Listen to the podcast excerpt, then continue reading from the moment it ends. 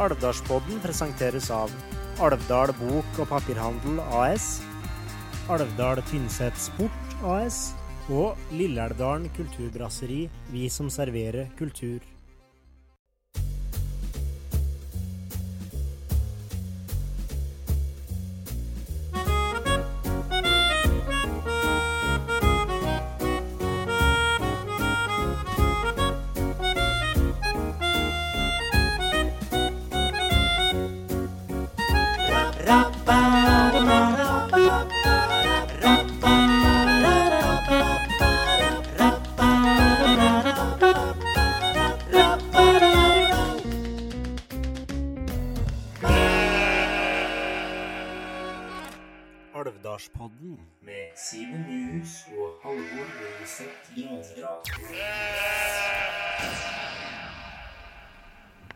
Som vi alle vet, så fyller Alvdals største sønn, sjølve Gromgutten, Kjell Aukrust, 100 år i år. Det var jo planlagt ei storslått feiring både her i bygda og nasjonalt på bursdagen hans den 19. mars og utover året. Men så kom den fordømrede coviden og satte en stopper for det. Eller rettere sagt satte på vent, for feiring blir det når elen- elendigheta har lagt seg. Et stort lysglimt oppi det her er lanseringa av biografien om en Kjell Aukrust, som lanseres i disse dager. En Simen og jeg tok en prat med forfatteren av biografien, Sigmund Løvaasen, og vi var til stede på sjølve boklanseringa på Aukrustsenteret. Men da vi satt og redigerte foredraget, så fant vi ut at vi kanskje skulle kløppe bort, slik at vi ikke avslører ting fra boka i større grad. Sigmund Løvaasen skal jo ha en ny Aukrustkveld på Tynset bibliotek den 19. november, så den som ikke fikk det med seg på Alvdal, kan se og høre det der, samt kjøpe boka sjølsagt, og få henne signert. Ellers da, så har vi flere planer fremover, Eion Simen. Om noen dager skal vi ha Frivillighetas mor i bygda, av Mai Kristin Holøyen på besøk. Og litt uti måneden skal vi ha en livepod ifra julemarkedet på Steia, med musikk, sprell og spennende gjester. Og i brytninga mellom november og desember så skal vi ha skuespiller og teaterpedagog Ingrid Vollan på besøk, som bl.a. har bidratt i flere av Aukrust-filmene som har blitt lansert de siste åra. Men først intervju med forfatter Sigmund Løvaasen. Alvdalspodden. Halvor, da er det tid, på tide med en ny eh, podsending. Ja, en litt eksklusiv en sådan. Veldig eksklusiv, vil jeg påstå. Vi sitter nå på taverna sammen med en eh, kar ifra Han er vel opprinnelig trysling. Stemmer det. ja. Og hvorfor tror du, Sigmund, at vi har bedt deg om å være med litt på Alvdalspodden? da? Hvorfor er du på Alvdal? Jo, eh, nå er vi her for å feire Kjell Aukrust og eh, lansering av den første brede biografien som er skrevet om Kjell Aukrust, som jeg gir ut eh, nå i disse dager. Kjempespennende. Hvorfor um, Kjell Aukrust? Ja, og for det eh, Det har vel Skal jeg være ærlig, så hadde det vel aldri slått meg noen gang at jeg skulle skrive en biografi om Kjell Aukrust. Eh, Så ideen måtte komme fra noen andre. Det var et forlag som spurte meg. Og, men når jeg var spurt, så eh, brukte jeg ca. to og et halvt minutt på å tenke at sjølsagt, det her er helt opplagt at jeg skal skrive om Kjell Aukrust. Ble veldig nysgjerrig og tenkte for, for en fantastisk mulighet til å lære mer om Kjell Aukrust og virkelig dukke ned i et kunstnerskap. Og, og så jeg, føler meg litt i slekt da med, med Aukrust. Uh, oppvokst i eh, Østerdalen som han, og eh, i et bygdemiljø. Og flytta etter hvert ut og gikk på og tok kunstutdannelse. Akkurat som Aukrust gjorde. Uten å flytte tilbake. Også det, akkurat som Aukrust gjorde. Men inne på noe der, ja. Du har studert ved Universitetet i Oslo. Og forfatterstudiet i Bø. Og Gøteborgs universitet. Stemmer det? Og du har fått noen utmerkelser. da. Tarjei Vesaas debutantpris. Og Bjørnsonstipendet. P2-lytternes romanpris. Og Sigmund Skar-stipendet. Så du er jo en eh, merittert kar, da. Ja, jeg har fått noen eh, utmerkelser, ja. Eh, Hadde du noe forhold til Aukrust eh, fra før? Har du liksom pløyd gjennom eh, verkene før du ble spurt om dette her? Jeg tror jeg hadde et ganske vanlig forhold til Aukrust, som er det som er vanlig for vår generasjon. Født på 70-tallet og oppvekst på 80-tallet. Så mitt eh, møte med Aukrust eh, for første gang var nok eh, Flåklypa Grand Prix, som det er med mange. Det var 17. mai i Trysil, og da var det gratis kino for unga. Og vi benka oss med mye godteri og så på Flåklypa. Det var stor stas. Og i veldig, veldig mange år så var nok da den filmen mitt fremste referansepunkt inn til Aukrust. Og jeg leste noen av tekstene hans eh, i, eh, da jeg ble voksen, og så litt på tegnekunsten hans, men det er først og fremst nå, etter at jeg begynte å jobbe med boka, at, eh, at jeg satte meg ned og leste alt og virkelig gått inn i det. Og det er jo et par jeg pratet med som kanskje var litt skeptisk til at jeg skulle skrive med Aukrust, som kjente han for dårlig og ikke hadde noe særlig nært forhold til han. Men så var det en annen eh, god venn av Kjell Aukrust, som nå er eh, i borti 90 år, som eh, sa at eh, det var veldig bra. Veldig bra å ha en liten avstand til Kjell Aukrust når du skal skrive en biografi. Så da tok jeg med meg det inn i arbeidet med boka. Men har du oppdaga noe sider som har overraska deg da, ved Krust? Først og fremst øh, og mangfoldig og rik kunstproduksjon han hadde. På så mange felt, i så mange sjangere og ut i så mange kanaler. Uh, og det overraska meg også hvor stor han var på 50- og 60-tallet, for det visste jeg lite om fra før. Men han jeg kjenner til, kjente til de bøkene han hadde gitt ut, og litt til tegnekunsten og Flåklypa med Flåklypa Grand Prix og Guren med reverumpa. Så da jeg satte meg ned med det her, så utvida det seg voldsomt.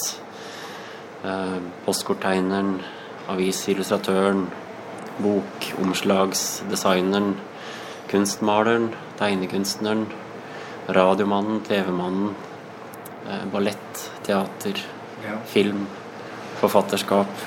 Det er uh, helt uendelig. Og jeg har på ingen måte sett alt han har gjort. Og det er det sikkert ingen som har gjort, for det, det, det er ikke alt som lett seg spore opp. Åssen har du gått fram eh, når du jobba med for å bli bedre kjent med en Kjell? Da har du intervjua folk han kjente? Har du vært det hjemme der han bodde, f.eks.? Ja, jeg har hatt veldig god, uh, godt samarbeid med slekta og, og en del venner av han. Og det var jo altså, Skulle ønske at en kunne ha gjort det her for uh, ti år siden. Da var det flere som levde, og flere som var oppegående til å være mm. muntlige kilder. Men, uh, men sånn er det. Eh, mange er borte, men jeg har fått prate med mange nære venner til Aukrust. Og mange som visste mye om både han og kunstnerskapet. Og så er det så klart alle offentlige arkiver der det ligger eh, utrolig mye spennende eh, som jeg har gravd fram, og som nok ingen har sett så nøye på før. Og, da, og det er jo veldig spennende. Sitte på Riksarkivet Satt med mappe med all elevkorrespondansen til kunst- og håndverksskolen fra 1936. Og lette og lette og lette gjennom eh, hundrevis av brev. Så kom jeg da endelig fram til noen som hadde Kjell Aukrust sin signatur, eller Lars O. Aukrust. Ja.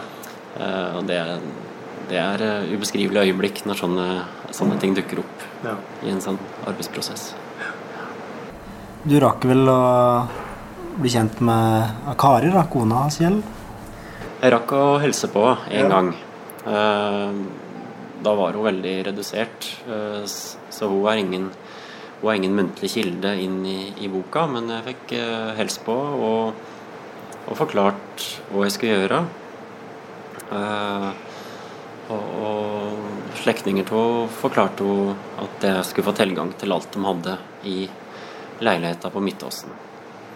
Eh, så det var fint å få, få helst på henne. Hun var jo en eh, ja, hun er nesten ikke en biperson i, eh, i boka, hun er en, en hovedperson ved sida av Kjell Aukrust. Hun var viktig i livet hans privat, men hun var veldig viktig for kunsten hans som mm.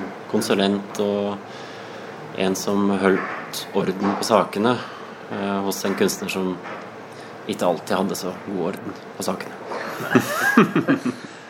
Nei, Det var vel kreativt hue på han eh, Kjell, og vi har alltid hørt, da, vi som har vokst opp her. og Det var liksom ikke noe brems, på en måte. Man kan hende hun var litt sånn moderator inni der. Ja da, jeg tror hun holdt igjen uh, på ting. Uh, kan godt hende at det har ført til at vi har gått glipp av noen kunstverk og, og, noen fantastiske tegninger og noen fantastiske tekster som hun syns gikk over streken. Men uh, i det store og hele tror jeg vi kan takke Kari Aukrust for uh, at kunstnerskapet ble så rikt som det ble. Mm. Nå Hvordan går det frem da, Sigmund, når du skal ja, når du blir spurt om å gjøre et sånt prosjekt, hvor starter du? Jeg starta med å lese alle bøkene hans. Eh, og så starta jeg med å lese det som var skrevet om han fra før. Artikler og sånn her og der. Og så begynte jeg på jobben med aviser og ukeblader og tidsskrifter. Ja. Og der er det en helt uendelig mengde stoff om ja. Kjell Aukrust. Jeg har vært gjennom store deler av det, men jeg kan ikke si at jeg har vært gjennom alt. For Kjell Aukrust han fikk en posisjon på slutten av 50-tallet og 60- og 70-tallet og som fortsatte videre på 80- og 90-tallet. Som A-kjendis. En som var i alle kanaler. En som alle ville ha en bit av. En som alle ville intervjue. Alle ukebladartiklene jeg har lest, jeg vet ikke hvor mange hundre det er, men det er mange. Eh, så det fins et eh, enormt stoff der. Med intervjuer og artikler. Og tekster og tegninger han har hatt på trykk i ulike publikasjoner. Mm. Det måtte jo være vanskelig for Kjell Aukrust å være en sånn offentlig person, for at han slår meg ikke som en person som sa nei. Han var jo nei. veldig åpen og folkelig. Mm. Ja, han klarte ikke å si nei, og det ble et problem. Ehm, så til slutt så tok Kari over og tok telefonen og sa nei til veldig mye. Og så at han ble helt uh, utbrent, og at mm. han ikke fikk konsentrert seg om å skape flere bøker og flere kunstverk. Og det hendte nok også at han uh, først sa ja, og så måtte han ringe opp dagen etter og si at nei, han hadde konferert litt med husfruen og kommet til at uh, nei. Så jeg, jeg, skriver vel i boka at han i en periode ble en medieklovn som nok gikk litt utover posisjonen han hadde som kunstner. Og det syns han var sårt og vondt sjøl òg. Han ble stempla som uh, humorist. Mm. Og det, det, var en ting han ville være. Men han ville bli sett på som både humorist og seriøs kunstner. Mm. Og det kom mer tilbake på, på 80- og 90-tallet, da han ble løfta mer fram igjen som, som, den kunstneren han var. Mm.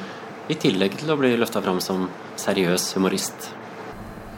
Men finner du, noe, finner du at noen epoker på en måte i Aukrust sine verk? Det er altså at på f.eks. en periode så er det veldig mye av én type ting, og er det mye som går igjen, og så brytes det opp, på en måte, og så kommer det noe annet? Ja, det, det, er, det er, ganske glidende overganger. Ja. Og jeg beskriver han som en gjenbrukets mester. Han eh, hele, hele livet så plukka han opp igjen ideer av tegninger og skisser og ting han hadde publisert før. Eh, kanskje gjorde små endringer og dro det inn i nye sammenhenger.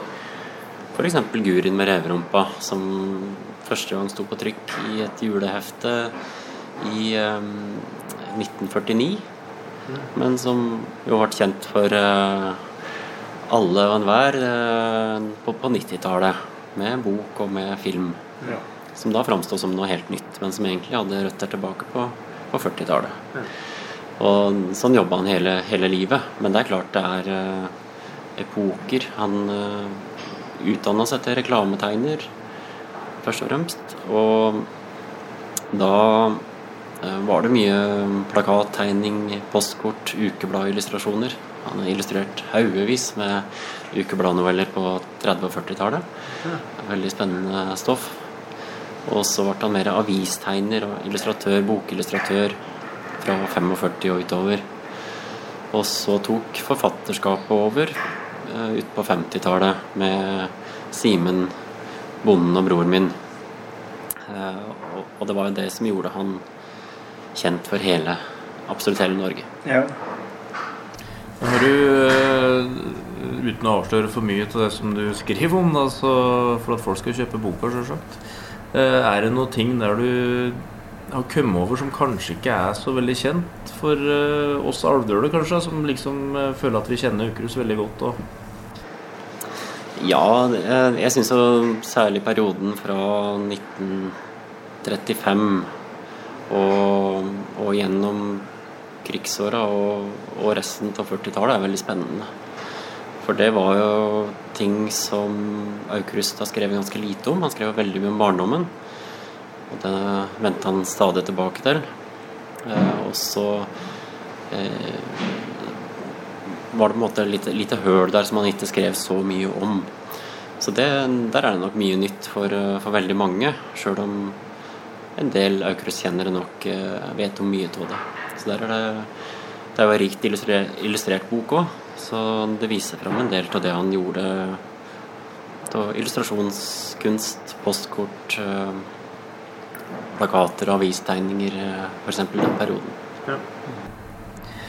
Jeg leste for en tid tilbake at det ble forsøkt skrevet en biografi her før òg? Ja, det stemmer. Jan Jakob Tønseth ble håndplukket av Aukrust sjøl for å skrive en biografi til, som skulle ut til 80-årsdagen til Aukrust i 2000. Men så skrev da Tønseth boka si, og Aukrust fikk lese manuset, og da satte Kari og Kjell foten ned for utgivelse. Og det handler om at uh, Tønseth skrev om krigsåra, og han skrev om at uh, faren, Lars O. Aukrust, fikk en landssykdom etter krigen. Og det var et så sårt og vondt og vanskelig punkt for uh, Aukrust, og det var noe han for all del ikke ville ha ut i offentligheten, sjøl om så klart veldig mange lokalt her visste om det. Mm. Um, og det var jo ja, flere i slekta oppe i Gudbrandsdalen nå som fikk sine dommer etter krigen, og det, det skulle det helst legges lokk på, mente Kjell. Ja. Hva er det som har snudd vedrørende den saken, Nora? Ja, altså de, de, som var mot utgivelse den gang, de er jo, de er jo borte. Ja. Eh, og Eh, slekta, slekta i, i, dag eh, har ikke satt noen begrensninger på hva det skal skrives om. Nei. Og for min del hadde det nok ikke vært aktuelt å gi ut en biografi uten å også ta med det. Det, det er en helt naturlig del av slektshistoria til, til Aukrust, og noe som prega han i veldig stor grad i, i mange år. Mm. Det var nok ei veldig vanskelig tid under krigen og i åra etter krigen. Lars O. Aukrust fikk ikke sin endelige dom før i, i 1949. Nei. Så det var nok uh, tøffe år, og jeg beskriver vel Kjell Aukrust um, da som en uh, ung mann i en kriseramma familie etter krigen. Hva ble dommen til Lars Pål til slutt, da? Han ble dømt til noe fengselsstraff eh, som han da hadde gjort, gjort unna i, i varetekt. Eh, så var det bøter ja. og tatt fra en del rettigheter, da. Og, men det som var nok det hardeste slaget, var at han mista stillingen sin på Storsteigen landbruksskole. Det som var livsverket hans. Og bygge det opp fra det det var da han kom i 1918, og til noe mye bedre. Han var jo en Han skildres jo som en ekstremt dyktig fagmann. God pedagog. En som har hatt uh, veldig mye å si for eh, landbruket i Østerdalen og, og, og reg regionen. Og ja, han var en uh, ansett samfunnsstøtte på, på mange plan. Du nevnte Storstein. Du har vel sikkert hatt noen alvdalsturer der før og både besøkt Storstein og huset Aukrust og gått litt i sporet hans, Kjell? Ja da, jeg har vært, mm, vært på omvisning på Storsteigen. Eh, Nå er det jo ganske annerledes inni der enn det var i 1920, da Kjell ble født. Men, eh, men det var fint å få et inntrykk av det. Eh, Og har så klart vært rundt her og kikket og, og pratet med, prate med folk. Og det er jo Men det er jo et av de Eller et av de bygdene som har satt tydeligst spor i den norske litteraturen. Eh, eh, alle kjenner kjenner bygda gjennom Aukrust. Eh, så gjør de jo egentlig ikke det, for det er jo et eh, utvalgt og historier og nøye redigert eh, utsnitt eh, Aukrust gjør. Eh, men, eh, men han har jo virkelig satt eh, bygda på kartet. Ja, det er en liten tvil om vi Når størrelser som Sverre Fehn eh, tegner Aukrust-senteret, som det het tidligere, men huset Aukrust, så det, det sier jo ganske mye om størrelsen som vi nevnte i stad, med hvor stor han egentlig var og kanskje er. Da. Ja. Og det er også interessant med det forholdet han hadde til hjembygda hele livet. Eh, når jeg prater med folk nå og sier at jeg skrev biografi om Aukrust, så blir mange veldig overraska over at han bodde i Oslo så å si hele livet. Han flytta til Oslo i, i 1935 første gang. Var tilbake på Tynset på folkehøyskole et år. Og bodde litt Hadde Storsteigen som base noen år under krigen. Men egentlig har han eh, vært eh, Oslo eh, Oslo-beboer ifra 1935. Eh, Så det var bare de 15 første åra egentlig han hadde der. Og det må ha satt betydelige spor. Han, det er fascinerende å se hvordan han prater om det sjøl. Han kan gå på gå i Pilestredet i Oslo, og så er det en eh, politihest som gjør fra seg foran han i gata. Og når han kjenner lukta av den hestemøkka, så er han rett tilbake i Alvdal og ser for seg sleaspor som går inn mot skogkanten. Og lyset og stemningen i Alvdal er der med en gang. Lukker han øya, så, så er han tilbake i Alvdal, sier han. Og da er det noen eh, Han prater om det her hele tida. Eh, så det er noen journalister som til slutt spør ja, men kan du ikke bare flytte tilbake, da? nei. Nei, det vil han ikke. Han er nødt til å ha den avstanden for å kunne skildre det og skrive det. Det, det er han helt avhengig av. Hadde han bodd i Alvdal, så hadde han ikke sett skogen for bare trær, sier han. Nei, nei, Han må jo ha hatt en ganske god oppvekst her òg, når han skildrer såpass godt. Og ja, hvor mye fiksjon er det lagt inn i disse historiene, har jeg alltid tenkt litt på. Jeg. For det er liksom så Ja, voldsomt mye av det. Ja, Bror hans, eh, Odd, han var jo god med tall. Odd Aukrust, som vi kjenner fra Statistisk sentralbyrå. Ja. Eh, Så han anslo sannhetsgehalten til å være en plass mellom 10 og 90% i tekstene. Oftere nærmere 10. sa. Men eh, det var alltid en eh, kjerne til sannhet da, Ja. i, i teksten, og det, det er det nok. Men han han fikk beskjed i Dagbladet, der han hadde teksten på trykk i, for først, øh, først, at han måtte stramme ned på persongalleriet. Ja. Så Derfor så ble liksom alle hendelser og all handling knytta til Simen, bonden, og broren min og han sjøl. Ja. Og noen få bipersoner. Ja. Eh, Men det var nok en god oppvekst, og det kommer han stadig vekk tilbake til. Han, han, han, vokste opp i et veldig sikkert og trygt hjem på Storsteigen. Mm. Um, og sånn materielt og økonomisk sett så var han jo i øverste sjikt i Alvdalssamfunnet, mens andre sambygninger hadde gården sin på tvangsauksjon, så bodde jo han i en stor, staselig bolig med, der mor og far hadde fast inntekt fra fylkeskommunalt hold. Mm. Og eh, det, det, var nok en trygg, trygg oppvekst. Og mens mange jevnaldrende måtte jobbe mye hjemme på gården, så var han fritatt for mye av det. Han sier jo det et par sammenhenger. Det er bror hans som forteller at for å forklare at det var elever på Storsteigen og praktikanter som gjorde det meste, og ikke dem, så sier broren at uh, en kveld så hadde mora Louise sagt ja, hva skal jeg gjøre hvis, hvis jeg mister Kjellegutten? Nei, du får nå bare lage en ny en, da, sa Kjell. Ja, men åssen skal vi få til det, da? Nei, det er vel noe praktikanter kan gjøre. og samme når han satt og så ut vinduet og så på den flotte månen. Han sa at og i kveld har jammen praktikanta pussa månen fint. så det var mange andre som gjorde grovarbeid der i gården. Men det, det, var nok ikke bare lett. Eller faren var en myndig og streng person og slet veldig med psykiske plager. Så han uh, var borte fra, fra Storsteigen i perioder. Og, og, var nok ikke en lett person å leve i lag med.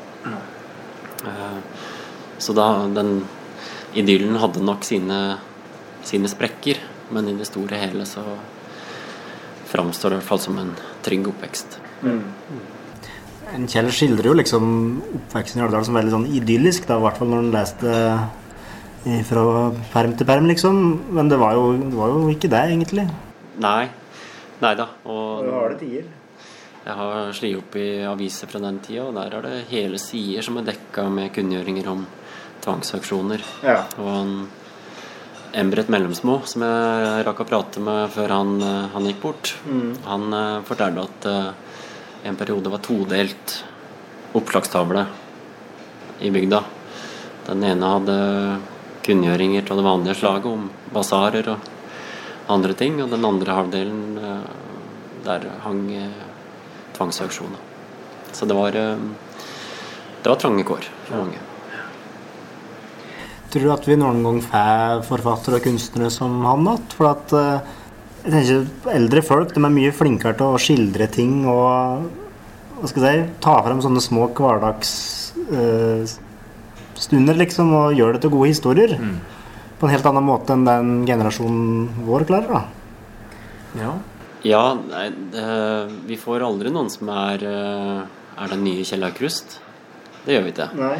Men uh, vi får uh, helt nye ting som er uh, minst like viktig og like bra. Det har jeg tro på. Og det kan komme fra Alvdal eller Røst eller Sandefjord. Ja. Det vet ingen. men det, det, tror jeg. Men med dagens uttrykksmåter og uttrykksformer som nødvendigvis må skille seg fra det Aukrust gjorde. Mm. Men det er artig å trekke fram det med, med, med, de eldre og måten å fortelle på. For Kjell Aukrust han var nok veldig prega av den muntlige fortellertradisjonen som han kjente herifra, og som han kjente fra sin andre hjembygd, Lom i Gudbrandsdalen. Mm. Han beskriver hvordan han lå på armen hennes bestemor og hørte på hun fortalte sangen og historier. Og det samme var nok her i bygda. når han satt her som liten gutt og hørte på de voksne som, som forteller. Og det, det, ser en tydelig i f.eks. Eh, Alvdalstrilogien. Ja. Mm. Det sies jo der, og vi var innom av Kari tidlig her, eh, at hun var med og redigerte en del. Var spesielt hun hadde skrevet en lang eh, historie, var vel om en Simen eller noe han hadde jo med At det bare ble, hun kutta ned mye til mindre substans, eller færre linjer, da, på en måte. Ja da, hun strøk veldig mye i, i manuset hans, og godt er nå det. Det er noe av det som har gitt den stramme formen som vi, som vi setter så pris på i dag. Han, eh, han, han skrev og skrev, og, ideer var, og huet var helt fullt av ideer som kom ut på papiret. I kanskje litt hulter i bulter. Så hun var streng konsulent. Det ble litt svarte efter og kvelder der av og til i heimen, sier Aukrust. Han var litt sår og fornærma for Kari hadde strøket for mye.